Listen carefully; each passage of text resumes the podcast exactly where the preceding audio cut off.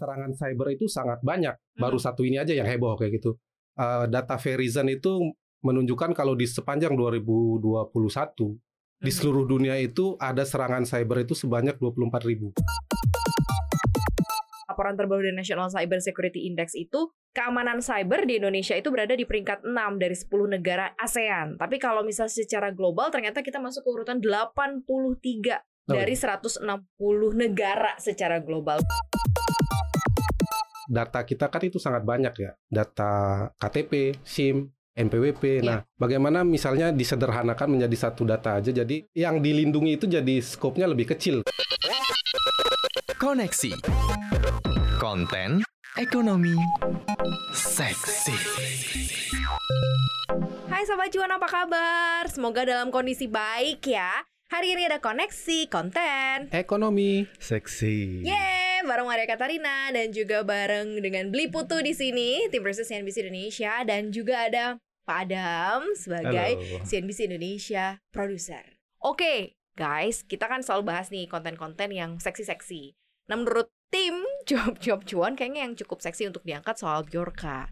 Sebenarnya kalau gue me- ingin menotisnya sebenarnya bukan permasalahan si Bjorka as a hacker kemudian Hmm. lagi ngancem-ngancem gitu kan, lagi mau ngebongkar ini itu. Tapi gue lebih kepada keamanan cyber eh, di Indonesia ini seperti apa. Tapi kalau gue pengen tahu nih dari Beli Putu dulu ya sudut pandang sebenarnya kenapa sih tiba-tiba si eh, Bjorka ini muncul kemudian ada berbagai macam eh, apa stand statement yang mau Iya. diungkapkan. Dan kalau menurut gue sebenarnya mah hacker-hacker mah udah banyak gak sih dari Banyak, zaman Di dulu dunia juga. di dunia juga banyak gitu kan. Iya. Gimana Beli?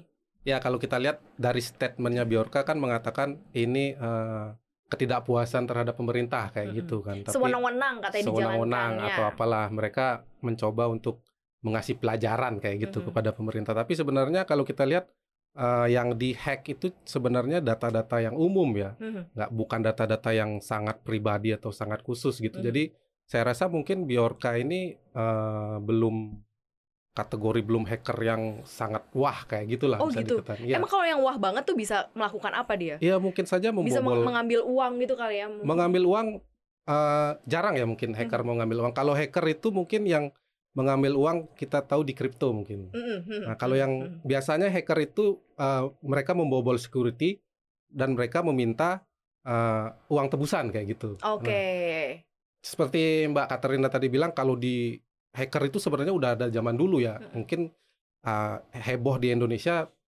mungkin baru saat ini gitu. Tapi kalau kita lihat sebenarnya eh, serangan cyber itu sangat banyak. Baru satu ini aja yang heboh kayak gitu. Eh, data Verizon itu menunjukkan kalau di sepanjang 2021 di seluruh dunia itu ada serangan cyber itu sebanyak 24 ribu. Banyak sekali. nah, yang sedikit mengkhawatirkan dari 21 ribu kebocoran data itu mencapai 5.200. Oke. Jadi kira-kira setiap eh, lima kali serangan satu kali bobol. Mm-mm. Tapi itu juga eh, enggak data yang vital ya, bukan data yang eh, sensitif kayak gitu. Jadi ada kategorinya, ada bocor tipis, ada Mm-mm, bocor eh, sedang atau bocor yang dalam kayak gitu. Jadi eh, serangan hacker itu emang pasti terjadi di mana pun di era digital saat ini. Gitu. Pentagon saja pernah diretas, Betul, betul, Departemen betul. Ke- eh, apa namanya, Departemen Keamanan- Pertahanan, pertahanannya Amerika Serikat, Amerika gitu ya. Serikat yang Iya. notabene negara adik kuasa kayak itu itu bisa bobol juga gitu. Kemudian Facebook kemarin juga pernah Betul. yang Mhm. heboh eh, analit Cambridge Analytic ya Mhm. itu datanya bocor sekitar 89 juta itu digunakan untuk campaign kampanye kayak Mhm. gitu. Jadi se- sebenarnya serangan sabar itu emang sudah jamak terjadi di era digital ini. Bukan sesuatu hal yang eh, sangat menghebohkan sebenarnya apalagi yang dipublish itu adalah data-data yang umum kecuali yang dipublish adalah data yang sangat sensitif dari pemerintah kayak gitu ya itu tapi tetap saja kita harus aware karena ini masalah eh, data ya data. Mungkin pribadi. karena mungkin sekarang kerasa heboh karena ada netizen juga yang ikut bersuara nggak sih? Iya, Terus kemudian betul. mereka speak up juga soal oh kalau lo bisa keluarin data ini data ini yang ini dong gitu ya Ya, juga kayak betul. diungkap gitu nggak sih Mas Adam? Iya, sebenarnya kebocoran data ini yang membuat menjadi ramai adalah karena eh, kebebasan kita bersuara ya sekarang ya. Eh, jadi masyarakat ikut mengomentari apa fenomena-fenomena yang terjadi saat ini. Mhm. Jadi semua orang mulai concern gitu kan masalah-masalah eh, kebocoran data ini. Sebenarnya kan masalah kebocoran data ini memang ada seiring perkembangan zaman gitu kan dengan adanya komputer, digitalisasi.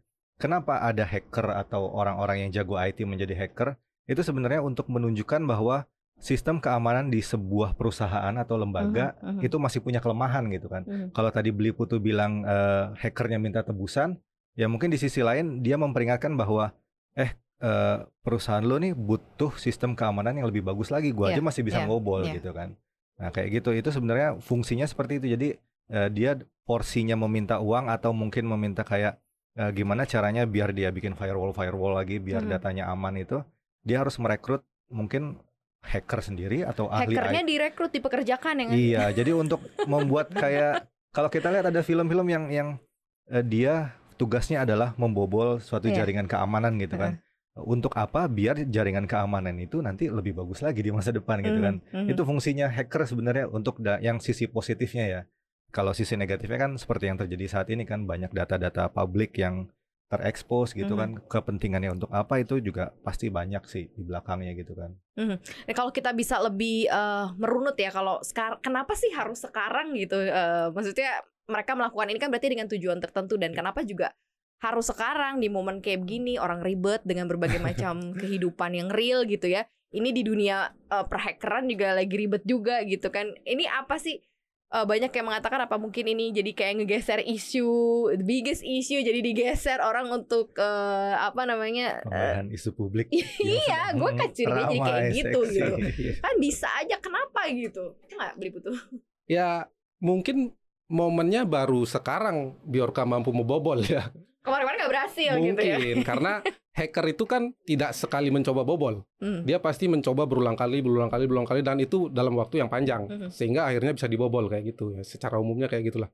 Ya mungkin baru saat ini dan eh, momennya tepat tepat saat mungkin ada kenaikan harga BBM kayak gitu ya. Mm-mm.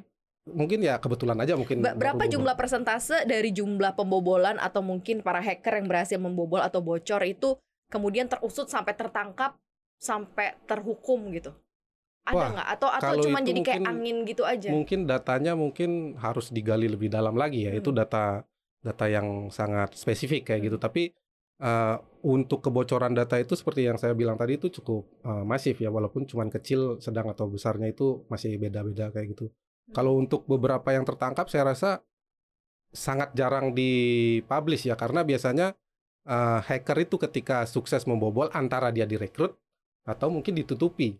Karena ini kan suatu pemerintahan, suatu karena kalau dia negara. dihukum bisa jadi dia malah speak up gitu ya malah Iya, kalau misalnya eh, mungkin juga menutupi aib dari perusahaan ya. Iya. Kalau misalnya Ah, perusahaan, kelemahan gitu iya ya. perusahaan Ah, dibobol, ah, wah perusahaan ini gampang dibobol. Mungkin hacker yang lain akan menyerbu kayak gitu. Mhm. Jadi saya rasa mungkin eh, hacker itu masih berada di dunia abu-abu ya. Jadi agak susah untuk ya bisa ditangkal tapi untuk sampai menangkap eh, saya rasa masih sangat jarang kayak gitu. Mhm. jadi ya nggak tahu ya, ya, ya perang cyber aja. Per- Ada hacker yang berusaha masuk, ada yang menghalangi kayak Hmm, gitu. Oke oke. Tapi kalau dilihat dari uh, datanya sendiri sebenarnya laporan terbaru dari National Cyber Security Index itu keamanan cyber di Indonesia itu berada di peringkat 6 dari 10 negara ASEAN. Tapi kalau misalnya secara global ternyata kita masuk ke urutan 83 Oh, dari 160 negara secara global. Which is itu under 100 sebenarnya kalau dibilang bad buruk banget sih Nggak sebenarnya juga ya. enggak juga ya kan. Masih ada di setengah lah. gitu. Masih ada di setengahnya gitu dari total 160 kita 83 gitu Mas Adam. Nah lo ngeliatnya gimana sih Eh, ini kalau misal tadi eh, memang nggak nggak ya akhirnya mungkin gantung atau entah direkrut atau apa nah apa yang memang harus jadi concernsnya Sobat Cuan juga karena gue juga merasa mungkin Sobat Cuan juga ngerasa gitu ya data kita tuh ya memang sudah tidak aman data kita tuh sudah tersebar Betul. ke mana-mana gitu buktinya bisa dapat eh, nomor telepon dari penawaran kartu kredit mana pun Iya, padahal nggak pernah ngasih nggak pernah nge-share gitu Sebenarnya bukan tidak aman ya, tapi secara tidak sadar, eh, secara sadar atau tidak sadar kita sudah memberikan data pribadi kita untuk kepentingan secara sadar sih itu. ya untuk kepentingan kayak membuat rekening itu Betul. kan nanti ada bank data. Kemudian sekarang di handphone semua kita install aplikasi Mhm. apa pun gitu kan, itu pasti ada mungkin satu dua data pribadi kayak tanggal lahir, nama, Mhm. Eh, kemudian eh, ada aplikasi yang ketika kita gunakan harus eh, dia akan ada notifikasi eh, apakah Anda bersedia data Anda seperti mungkin image atau iya, video gitu iya. untuk diambil sama aplikatornya. Mhm. Itu kan kita secara sadar akan Klik mengklik yes, iya gitu iya. kan, yes gitu kan. Masalahnya kalau kita tidak mengklik yes, itu aplikasi tidak bisa kita pakai Mm-mm, gitu kan. mm-mm. Ya, jadi dari situ saja kita sudah tahu bahwa data kita itu akan eh, ke mana-mana Mhm, gitu kan. mhm. Nah, itu dari situ satu. Kemudian Yang kedua kalau untuk masalah pembobolan data ini sebenarnya data tadi yang beli putu bilang ini sebenarnya data-data yang umum gitu kan data-data kayak sebelumnya kan ada BPJS kesehatan datanya dibilang bobol data pelanggan PLN Telkom itu kan sebenarnya data-data yang umum yang sebenarnya agak berbahaya itu kan data-data yang berkaitan dengan masalah keuangan kayak data-data kita di perbankan Mhm, itu kan mhm. itu bisa memac apa memicu kayak mungkin pencurian dana atau apa segala Yes, macam itu ya, yang, ya, yang ya, paling ya, ya. mengerikan gitu kan. Nah itulah sebenarnya di posisi yang tadi beli putu bilang ada yang direkrut, ada yang mungkin memang tugasnya untuk membobol gitu kan, ada white hacker, ada black hacker mungkin kayak gitu istilahnya ya. Mhm. Jadi di situlah perannya perusahaan kenapa urusan hacker ini eh, tidak ada yang mungkin terpublish karena mungkin data yang dia pegang adalah data penting suatu perusahaan atau lembaga gitu. Itu itulah jadi perannya di situ apakah ini orang ini harus direkrut atau Mhm. mungkin dia mencari ahli IT yang lain untuk menangkal serangan cybernya itu. Kita gimana ya? Apalagi sekarang kita udah depend on ga- gadget ya. Semuanya Betul.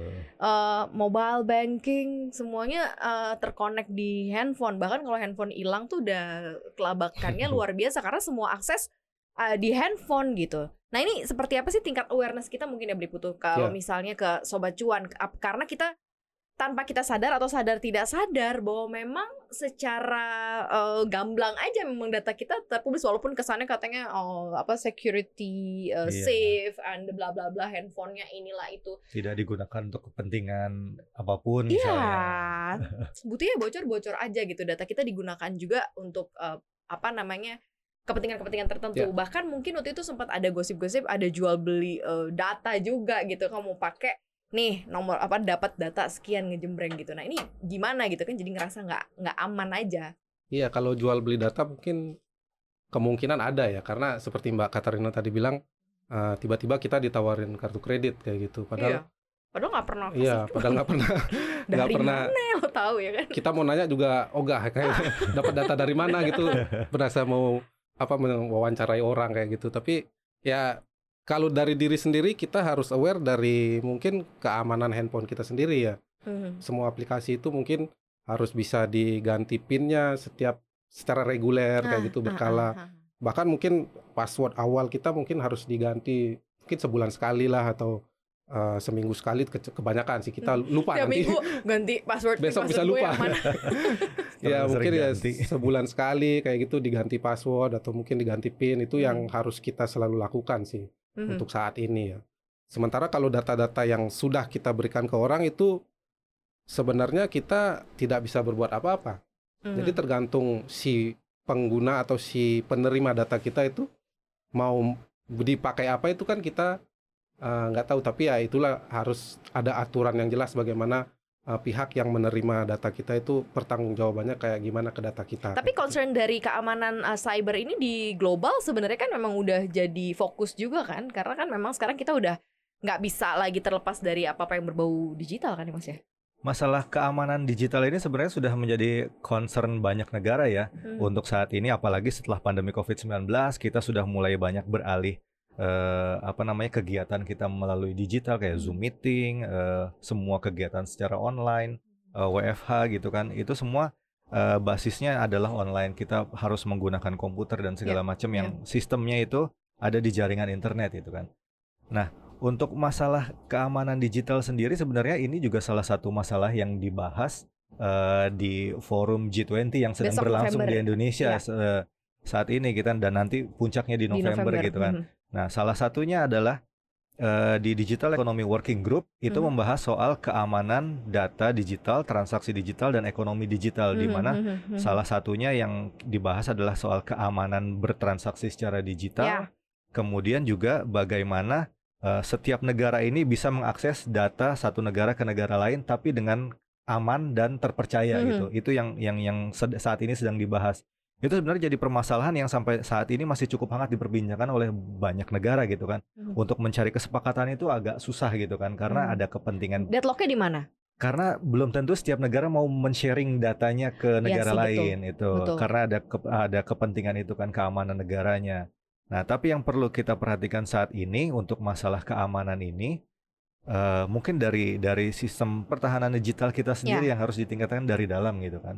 Kita sudah tahu bahwa kita punya kelemahan eh, untuk kementerian dan lembaga itu kelemahannya sudah ketahuan gitu. Ini kan perlu kerjasama antar lembaga ya dari Kementerian Kominfo, Hmm, kemudian hmm. BSSN, Mhm, kemudian BIN. mhm. Nah itu kan harus berkolaborasi. Nah masalahnya koordinasinya seperti apa gitu kan? Kayak sebelumnya aja kita tahu bahwa Kominfo itu melempar bahwa ini tanggung jawab masalah kebocoran data tidak di Kominfo tapi di BSSN gitu kan. Nah, sementara BSSN BSSN sendiri anggarannya sendiri hanya berapa ratus miliar Iya, gitu iya, kan. Tapi di di sisi lain Kominfo punya anggaran berapa tri, berapa Betul. puluh triliun gitu kan. Mhm. Tapi untuk masalah keamanannya dilempar lagi ke badannya gitu kan, Hmm. ke badan yang lebih kecil gitu kan. Nah itu jangan sampai salah-salahan gitu sih Iya sebenarnya kita dalam harus tanggung jawab bersama gitu kita dalam kan. kepengurusan kayak gini aja masih saling lempar-lemparan ya beli butuh ya gimana maksudnya mau mau beres gitu Iya. apa nih yang mesti kita soroti nih Ya seperti yang Mas Adam bilang ya itu harus ada sinergi atau integritas dari semua lembaga kayak gitu ya. Kemudian mungkin bisa eh, kita lihat data kita kan itu sangat banyak ya. Data eh, KTP, SIM, NPWP. Iya. Nah, bagaimana misalnya disederhanakan menjadi satu data aja. Jadi Hmm, ketika satu hmm. data itu Nick aja semua gitu nick aja ya. untuk Mhm. semuanya yang dilindungi itu jadi skopnya lebih kecil kayak gitu. Jadi bisa fokus ke melindungi data yang Ya, setuju, yang setuju. skopnya lebih kecil ketimbang banyak data misalnya ada data KTP yang lain-lainnya lah kayak Masuk gitu. NPWP nanti Iya. ada data-data apa Ya, lagi bagaimana gitu bisa ya. disederhanakan kayak gitulah satu nick untuk semua bisa untuk NPWP, bisa untuk SIM dan lain-lain. Jadi eh, data yang di dijaga itu lebih kecil kayak saya rasa sih mungkin bisa kayak gitu ya. Mungkin ya. mungkin bisa kayak Iya. gitu ya tapi yang jelas memang kita harus aware ya waspada juga ya sobat cuan ya karena memang sekarang sudah era digital yang paling basic mungkin ya lindungi data diri pribadi dulu Data deh diri gitu ya yang mungkin ada di betul. handphone Uh, pro- tingkat proteksinya harus lebih tinggi gitu ya. Mungkin kalau misalnya handphone uh, ditaruh sembarangan kan biasanya di lock. Mungkin mau masuk aplikasinya ada sistem lock lagi harus di lock lagi gitu. Jadi Betul. kalau hilang nggak apa tapi kadang-kadang masih ada yang bisa ngehack ya? iyalah sudah oke juga ternyata dari aplikatornya atau mungkin dari karyawan yang bekerja di aplikasi itu kan kayak di perbankan aja sebenarnya masalah kartu kredit itu ada juga tuh pembobolan kartu kredit kita nggak tahu apa ternyata uang kita dipakai gitu kan. Iya kok bisa ya? Nah itu Ke- kan kemarin ada juga tuh ada- oknum-oknum tuh di ada oknum juga yang apa gelapin uang nasabah sampai 6 nah. sekian miliar gitu dan itu apa namanya oknum perbankan gitu. betul apalagi mereka memegang data pribadi nasabah gitu kan. Mm-mm. Nah, itu juga sebenarnya eh permasalahan akses untuk ke data pribadi nasabah atau klien gitu kan atau pelanggan itu juga harus eh, diberesin lagi sih apalagi dalam waktu dekat ini kan kita juga tahu bahwa rancangan undang-undang perlindungan data pribadi sedang dibahas dan kemungkinan akan segera disahkan gitu ya, kan. ya, Gus. Ini bisa jadi dasar yang bagus untuk Indonesia ke depannya khususnya di Indonesia Iya, ya iya. untuk masalah data pribadi ini terus keamanan data digital tuh seperti apa ke depannya jangan hanya untuk kayak sebelumnya ada undang-undang ITE yang hanya untuk mempidanakan orang di karena